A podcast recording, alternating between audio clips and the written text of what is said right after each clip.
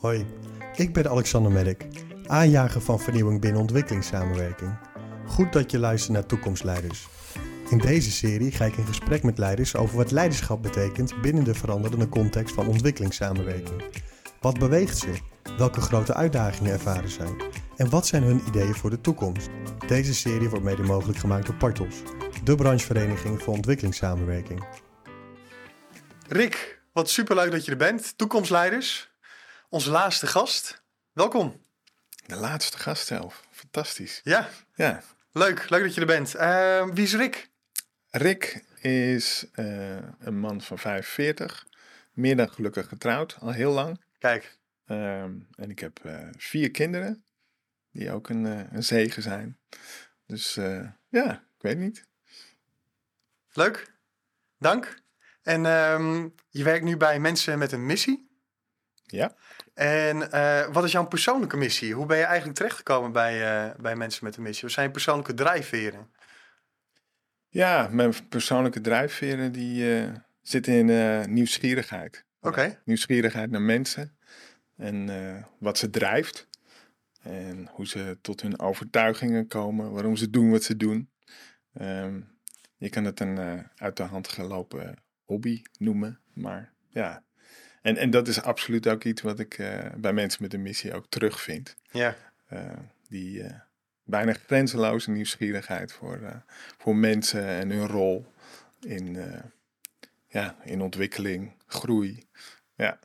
En wat zijn de, ehm, eh, de mensen of gebeurtenissen die je die hebben geïnspireerd in die nieuwsgierigheid door al die jaren heen? Hè? Omdat je Ja. dus heel geïnteresseerd bent naar anderen toe. Nou, daar moest ik even. eh, ja, ik, ik denk dat dat vooral iets is wat getriggerd is toen ik. eh, dat was een van mijn eerste banen. Toen werkte ik bij het ministerie van Binnenlandse Zaken. Oké, En eh, bij de directie Coördinatie Integratiebeleid Minderheden, kijk. DSIM. En eh, daar, eh, daar was ik als stagiair begonnen. En ik mocht eh, ook nog een paar maandjes als, eh, als ondersteunend beleidsmedewerker aan de slag. En ik weet nog heel goed, dat was in 2002 denk ik. Toen werd Pink Fortuyn doodgeschoten. En dit was ook de afdeling waar dat, eh, eh, nou ja, ook vanuit gecoördineerd werd, beleid op verzonnen werd. Eh, ja, en, en die avond moest ik overwerken. Ehm, en ja, ik denk dat het ergens al rond een uur of zes was of zo, dat hij werd doodgeschoten. Oké, Ja, en, en wat er dan daarna gebeurt, ehm, dat is gewoon vreselijk. Mhm. Maar tegelijkertijd voor, me- voor iemand zoals ik ook fascinerend om Mhm. te zien wat, wat mensen dan gaan doen. Wat ze dan ehm, gaan vinden. En wat deed dat met je? Nou ja, eh, dat is een soort mix van, eh, van verbazing over al die mensen die boos werden op, eh, op moslims. Want iedereen dacht, Pink Fortuyn is, eh, is eh, vermoord door, eh, door een moslim. Mhm. Ehm, en, en dat dan en dus betekent dat je moskeeën in de fik gaat steken. Mhm. Of dat je andere gebedshuizen eh, van andere geloven, dat je daar de ramen van in gaat gooien. Of dat je je op het binnenhof verzamelt en dan eh, nou ja, gewoon eh, met een groep totale bedreiging en intimidatie van de politici daar Mhm. Op je hals haalt. Ja. Dat, dat, dat blinde, dat redeloze, dat is, ja, het is beangstigend aan de ene kant. En aan de andere kant is het ook eh, fascinerend om te zien. Ehm, ja, en, en op die plekken waar ik toen zat eh, voor mijn werk, ja, kwam dat natuurlijk op heel veel verschillende manieren kwam dat binnen. Want eh, ja, als, als ondersteunend medewerker ben je erbij, maar je zit niet in de driver's seat. Mhm. Er zitten andere mensen in de driver's seat. Maar ja, die, eh, die moesten wat met de Marokkaanse gemeenschap. Er moest wat met eh, ja, onrustige eh, protestanten. Er moest wat met de katholieke kerk. Er moest een Mhm, antwoord mhm. komen. Er moest een verbindend antwoord komen ook. En, maar ja, hoe dat tot stand komt, ja, dat gaat natuurlijk onder hoge snelheid. ook veel emotie, maar ook heel veel belangen. Ja, heel interessant voorbeeld. En hoe heeft dat verder vorm eh, gekregen eigenlijk? Ja, niet lang daarna. Hè. Kijk, ik ben er echt maar kort geweest. Ja. Maar het heeft me op dat punt dus echt wel wakker gemaakt. Eh, daarna ben ik in de Tweede Kamer gaan werken voor de CDA-fractie. Eh, voor een Kamerlid die ook binnen de ontwikkelingssamenwerking bekend is, uh, Kathleen Ferrier. Mhm. Ehm, ja, ik, ik heb bij haar vooral ook echt geleerd dat ehm, woorden doen ertoe, uh, maar ook je stijl. Uh, Wat bedoel je ermee? Uh, nou ja, goed. We hadden het in het voorgesprek hadden het al even over authenticiteit. Ja. Hè, die twee dingen moeten kloppen met elkaar. Ja. En uh, Kathleen Ferrier is, is, is, gewoon echt iemand die heel erg goed in staat is om voorbij um, nou ja, die boze mens of die emotionele mens te kijken naar wat drijft deze mens nou. En daarin ook gewoon een hele warme toon in aan te slaan. Mm -hmm. um, een verbindende toon. Ja, heel erg, ja. En, um, maar, maar ze doet dat ook. He, dus dat, dat heeft ook voor een deel met principes te maken. Dat heeft uh, voor een belangrijk deel ook met je, met je overtuigingen over wat werkt en wat niet werkt uh, te maken. Maar daar heeft ze me heel gevoelig op gemaakt. Mm -hmm. um, nou ja, en, en, en die twee dingen hebben echt wel met elkaar te maken. Omdat, uh, zeker op een later tijdstip, toen werkte ik niet meer voor haar. Maar uh, die, die hele kwestie van Mauro. Mm -hmm. uh, ja, dat, dat, dat gaf dezelfde soort emoties en dezelfde soort redeloosheid ook bij, uh, bij sommige spelers. Ehm, ja, dat, dat, dat vermogen om daar verder te kunnen blijven kijken. Uh, en wel die, uh, uh, die, ja, die dialoog aan te gaan. Over wat mensen nou maakt om daar ja, gewoon heel afwijzend in te zijn. En dat was natuurlijk iets wat een enorme splijtswam was, ook binnen de partij, het CDA. Ja, goed, en dan, dan zie je iemand op de bühne klimmen en voorvechter zijn voor binnen de partij denk ik, een meerderheidsstandpunt, maar mensen durfden niet. Dus ze gaf er wel gezicht Mooi. en geluid aan. Ja. Um, ja, en, en, en dat, dat is iets wat in mijn hele loopbaan altijd gefascineerd heeft. Wat, uh, dat is ook wat mensen drijft. En um, nou ja, echt hun nek kan laten uitsteken voor mensen die zelf er geen stem aan kunnen geven. Mm -hmm, mm -hmm. En dat is iets wat zij deed. Uh, daar bewonder ik er ook echt, uh, echt om. Um, en dat heb je meegenomen? Ja, binnen mensen met een missie. Hè. De mensen met een missie zijn ook mensen die hun nek uitsteken ja. voor anderen. Ja. Die dat niet kunnen. En dat, ja, dat doen ze ook heel vaak op momenten en op plekken uh, van conflict over de hele wereld. Um, met, met gevaar voor hun eigen ja. leven. En Mensen met een Missie is een uh, katholieke club van achtergrond. Um, ja. um, heb jij ook een religieuze achtergrond? Zeker, ja. Okay.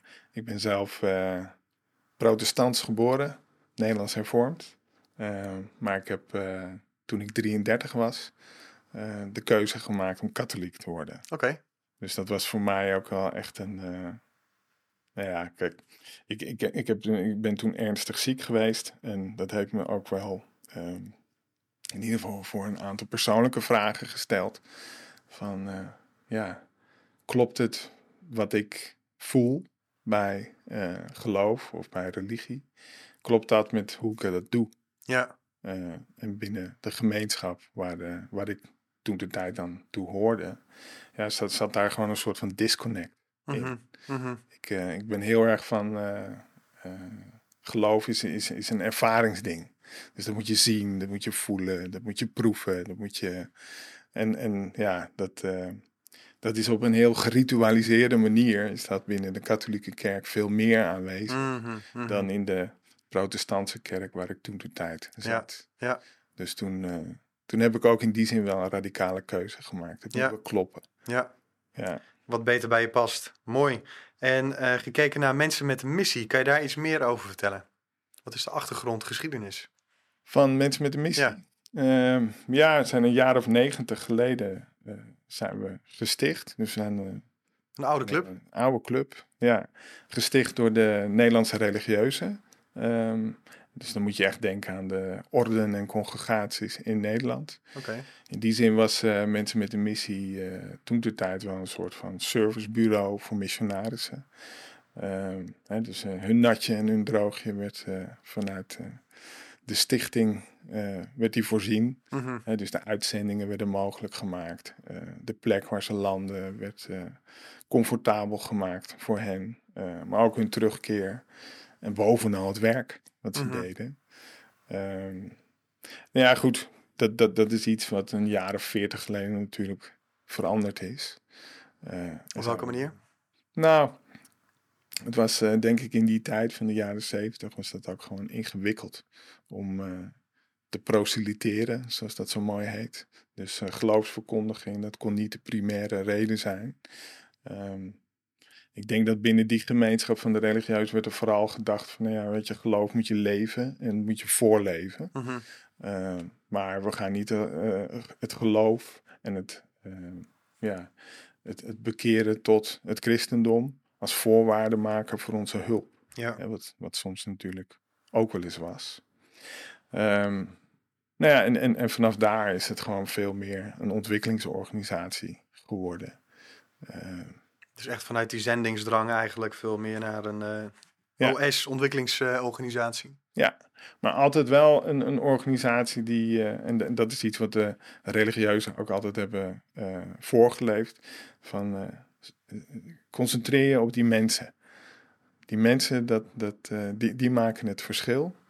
Um, en dat betekent dus dat je een warme persoonlijke relatie met die mensen aan moet gaan. Uh, moet zien wat hen drijft. Um, en ja, maak het ook zo lokaal en kleinschalig mogelijk, want dan is het behapbaar. Hè? Dan snappen ja. mensen ja. ook naar welke veranderingen ze toe aan het Ja. werken zijn. Uh, zodat mensen allemaal mee kunnen doen, omdat iedereen gewoon telt. Mooi, ja. Dus uh, ja, En ik heb ook begrepen dat, ehm, eh, dat jullie de grondleggers of eh, de moeder, vader zijn van uh, Cordate. ja, ja, nou ja, goed, dat is een, eh, een eh, bijna vergeten hoofdstuk, maar dat klopt. Eh, het oude CBMO, een van de grote voorgangers van Cordate, ja, die, eh, die is gesticht vanuit, eh, vanuit de stichting CMC, Mensen met een Missie. Ja, dat klopt. Leuk. Dus, maar ja, goed, hè, de- toen de tijd werd ook al wel echt gezien van overheidsgelden accepteren en uitgeven binnen ontwikkelingssamenwerking is iets heel anders dan eh, ja, geld wat met een bepaalde spiritualiteit Ja. eh, aan je gegeven wordt om Ja. mensen mee te helpen. Ja.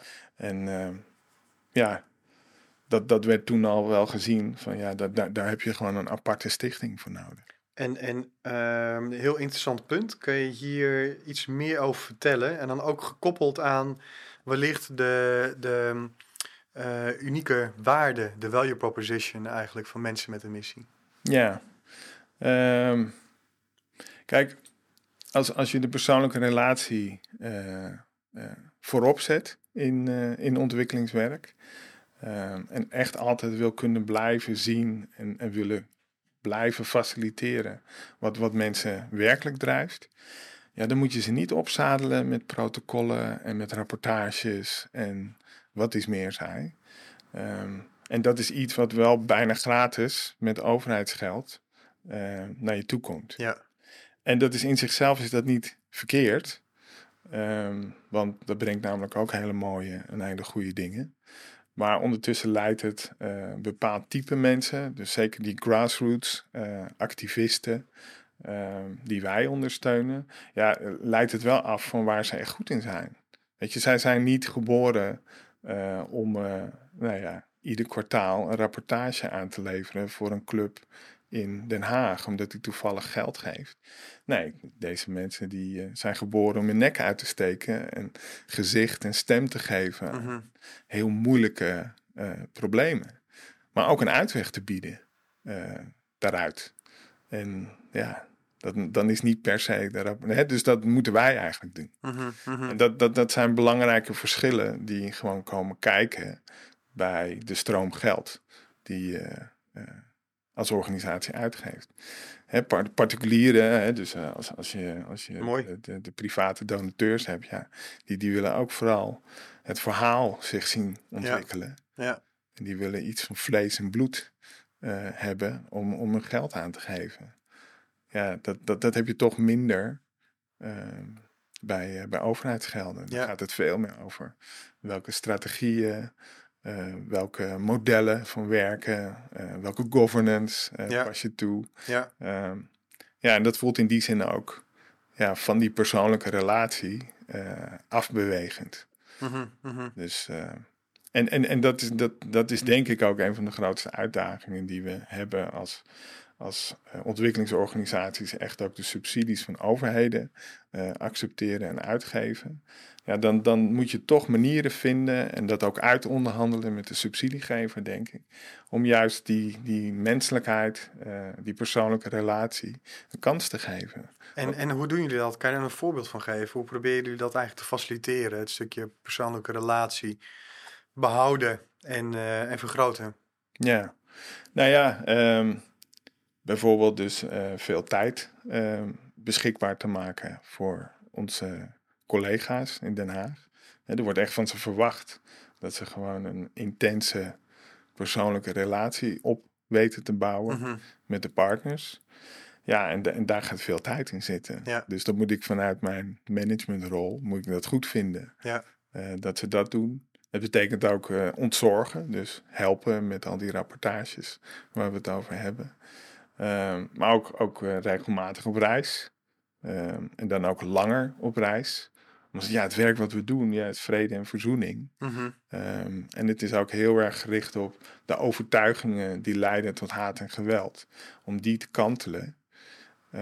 Ja, dat is geen quick fix. Mhm. En het is juist in die persoonlijke relatie waar dat ook moet gebeuren. Prachtig, ja. Ja, En dus, dus daar ruimte voor bieden. Dat Ja. is een hele belangrijke. is echt de ruimte ervoor bieden, oké. En ehm, als we het hebben over ehm, leiderschap of leiderschapstijlen. ehm, hoe proberen jullie het stukje leiderschap eigenlijk hierin dan te verwerken? Hè? Persoonlijke relatie opbouwen, dat kan ik me voorstellen, is een belangrijk eh, kenmerk van eh, persoonlijk leiderschap ook. Ja. Of een leiderschapsstijl die jullie proberen te stimuleren. Eh, zou je daar iets meer over kunnen vertellen? Ja, nou ja, die, die, die wordt vaak coachend genoemd, maar dat vind ik zelf altijd een beetje een bevoogdende Mhm. term. Ehm, kijk, eh, je, je, je hebt bijvoorbeeld ehm, eh, zo'n zo, zo'n nieuw fenomeen, eh, participatory grantmaking. Dat is echt gewoon een hele goede manier om te zien hoe leiderschap eh, eh, ontstaat en zich kan ontwikkelen. Dus als je een pot geld eh, geeft aan een bepaalde groep, stel jongeren in Cameroen bijvoorbeeld, ehm, dan, dan zie je binnen zo'n groep jongeren, zie je dan opeens een aantal mensen opstaan die met ofwel met een bepaalde argumentatie of met een bepaald charisma eh, de discussie naar zich toe trekken over van ja, maar deze pot geld moeten we vooral nu besteden aan dit of dit of dit. Mhm. En ehm, dat kunnen spotten en dat eh, verder ook ondersteunen. Ja, dat, dat, dat is wat wij moeten doen. Mhm. Mhm.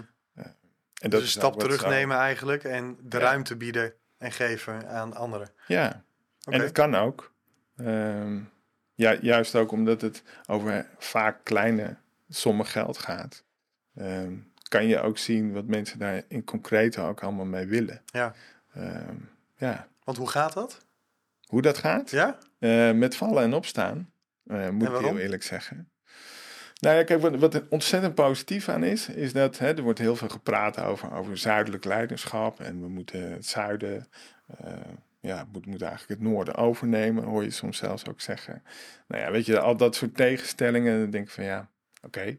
Ehm, maar goed, als we weer afdalen naar het niveau van die mensen die eh, een pot geld gepresenteerd krijgen, wat ze aan iets kunnen geven waar ze werkelijk in geloven, ja, dan, dan krijg je ook een heel interessant onderhandelingscircus. Kost dus tijd. Mhm, mhm. Ehm, maar tegelijkertijd zie je dus ook eh, ja, de powers to be eigenlijk ook ontstaan. Ehm, ja, en hoe gaat dat dan? Ja, dat is, eh, dat is een eh, heel erg eh, informeel. ehm, ja, het is gewoon, het is gewoon echt, echt ingewikkeld voor mensen Mhm, om zich te uiten over wat zij dan het beste vinden mhm. om te doen met dat geld. Maar ja, tegelijkertijd is dat natuurlijk de hamvraag. Ja. En als je daar mensen omheen weet te verzamelen en ook werkelijk nou ja, het veilige gesprek eh, daarover kan hebben met elkaar, ja, dan doe je het goed. Mooi. Ja. Maar het is niet snel. Nee, nee. Het is geen... Het heeft Nee. tijd nodig. Het heeft echt tijd nodig. Ja, ja. Ja. En die tijd die, eh, die hebben we, denk ik, eh, hoop ik. Ehm, je had het over eh, persoonlijke relatie voorop stellen. Ehm, je had het over ehm, samenwerken met jullie partners op een andere manier eigenlijk. Hè, vanuit participatory grantmaking, ruimte bieden ook en geven. En je had het ook over religie. Ehm, en eh, religieuze conflicten. Eigenlijk een stukje persoonlijk wat je hebt meegemaakt hè, met de gebeurtenis van Pim Fortuyn. Wat er daarna allemaal gebeurde Mhm. tussen de verschillende eh, religies in Nederland. Ehm, maar daarnaast eh, benoemde je ook dat, dat jullie als organisatie, mensen met een missie, jezelf daar hard voor maken. Die verbinding, die verzoening, Ja. vrede, veiligheid proberen te creëren. Ehm, welke rol speelt religie binnen ontwikkelingssamenwerking? Kan je daar iets meer over vertellen? Ehm, eh, is dat groeiende, is dat dalende of is dat stabiliserend, maar verschilt dat per land? Wat moet ik me daarbij voorstellen? Ja, het, is. ehm, het is interessant om te zien dat eh, we zitten in Nederland, een sterk geseculariseerd land. Wel een land waar heel veel met spiritualiteit is. Maar ja, het, het, is ook echt een blinde vlek. Nog steeds. Ehm, de Nederlandse overheid is wel echt een voorvechter van eh, religie. eh, mee te nemen in de analyses. ehm, en eh, ook op ambassadeniveau het ook echt aan te durven om met religieus leiderschap te werken en daarmee ook gezien te worden. Eh, dus dat, eh, dat is een heel gelukkige omstandigheid eh, voor Nederland. Ja, Maar als, als je echt gaat kijken, hè, er, er wordt altijd gezegd van ja, religie, dat leidt tot oorlog. Ehm, religie is de bron van het meeste conflict. Ehm, ja, als je het om zou draaien, van religie is vaak ook de way out. Ehm, religie is vaak ook, zeker op, op, op lokaal niveau, ook de go-to om alle nevenschade en neveneffecten van conflict Mhm. om dat te helpen op te lossen. mooi. Ja. Ehm, religie is vaak ook, ehm, nou, hè, dus, eh, dus godsdienst. eh, kijk naar de katholieke kerk waar wij nou mee verbonden zijn. Ehm katholieke kerk is present overal. Ook op de plekken waar de staat niet meer functioneert.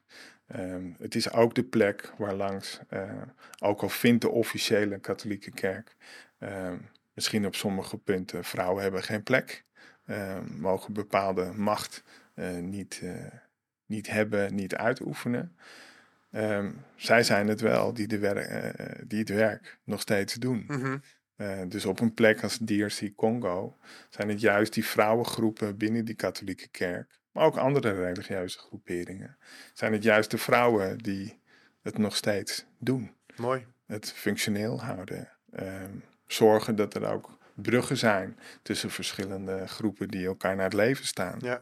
En dat, eh, ja, dat is fa- fascinerend om te zien. Mhm. Kijk, we hebben zelf hebben we, ehm, heel veel eh, aan het Women of Faith netwerk. Ehm, die zijn in heel Afrika actief. Ehm, maar dat, dat, dat zijn vrouwen die als een soort van mediation, eh, of tenminste een mediator, eh, tussen verschillende ehm, groepen staan. Ja. En nou ja, daarover uitwisselen met elkaar. Eh, en nu zelfs door de IGAD gevraagd worden om op hun mediation roster te staan. Dus de Intergovernmental eh, Agency for Development. Oké. Dat, dat, eh, dat is een, een van de ECOWAS is, is dan ook een pendant, een pendant van de AU. Daar, daar Mhm. werken ze ook veel mee. Maar goed, dat, dat is een club die wordt ingeschakeld door overheden om, eh, om conflicten, en vooral ook religieuze conflicten, te helpen oplossen. En het zijn deze Women of Faith Mhm. die dat doen. Mooi. Ja. Eh, en de- de- dat is interessant om te zien. Heel mooi. Heel dat is interessant. belangrijk. Ja, en, en, en eh, zou je dit ook zien als een van de grootste uitdagingen binnen ontwikkelingssamenwerking? De blinde vlek waar je het over had? Ehm, nee, dan, dan zou ik eerder denken aan, aan eh, polarisatie. Oké. En En wat bedoel je ermee? nou, re- religie is, is een belangrijk eh, eh, bindmiddel. Ja. Kan ook een splijtvorm zijn, zeker. Maar is ook een belangrijk bindmiddel. Mhm. Ehm, en wat je nu gewoon heel veel ziet gebeuren, is dat groepen ten opzichte van elkaar komen te staan. Ja. En vervreemd raken. Weet je, als we dan weer even het uitstapje naar Nederland nemen. Uh, kijk, het Sociaal Cultureel Planbureau had laatst ook een rapport over polarisatie in de Nederlandse samenleving. Ja, de oplossing van Nederlanders is eigenlijk, hè, uh, ze vinden aan de ene kant van, nou, ik ben het zat. Uh, al die polarisatie en politici moeten maar hun best doen om samen een deal uh, mm-hmm. te maken en het weer leefbaar te maken in dit, uh, in dit land. Ja, goed, dat is dan het, het, het sentiment. Maar aan de andere kant is de oplossing van de gemiddelde Nederlander: ik trek me terug in mijn eigen bubbel en ik praat niet meer over de dingen die me echt te harte gaan. Mm-hmm. Dus over politiek ga ik niet meer praten. Over vaccinaties voor corona ga ik niet meer Mhm. praten.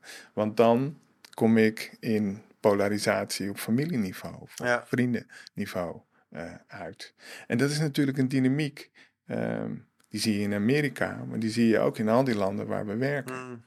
En ehm, het, het is ook een dynamiek die eh, samenwerking om grote problemen als klimaatverandering, om, om die te lijf te gaan, eh, enorm in de weg staat. En, en ja, ik, ik denk dan wel van ja, dan moet je het dus hebben over de overtuigingen die kennelijk mensen leiden tot niet meer met jou Ja. te willen leven of te werken. Ehm, ja, en praten helpt, hè? Dus ehm, dan wel die zo? brug. Ja, ja, ja, zeker. Met elkaar. Zeker, ja. Ja. Dus, dus wees nieuwsgierig en ehm, zoek die ander dan ook op. En erken ook gewoon dat je die ander nodig hebt om juist de grote problemen van deze tijd te lijf te gaan. Mooi. En eh, ja, religie kan daar een heel belangrijk eh, voertuig in zijn. Ja. Ja, Mooie, mooie woorden. En als we het dan hebben over ehm, eh, persoonlijk leiderschap. ehm, en als we één competentie, je hebt er meerdere genoemd. Als we één competentie zouden moeten kiezen die we willen meenemen naar de toekomst. Welke zou dat dan zijn voor jou? Eén, mag er echt niet twee? Ja, nee, één. Ja. Oh. Ehm, ja, nieuwsgierigheid, denk ik, naar de ander. Ja, ja. Waar we ook mee begonnen. ja, Mooi. Nou, dan zijn we aan het einde gekomen van eh, de laatste aflevering. Ik vond het superleuk dat je er was.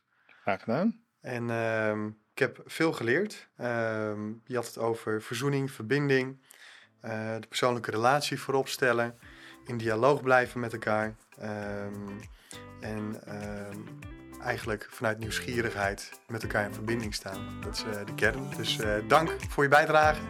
En ehm, tot de volgende keer. Dankjewel.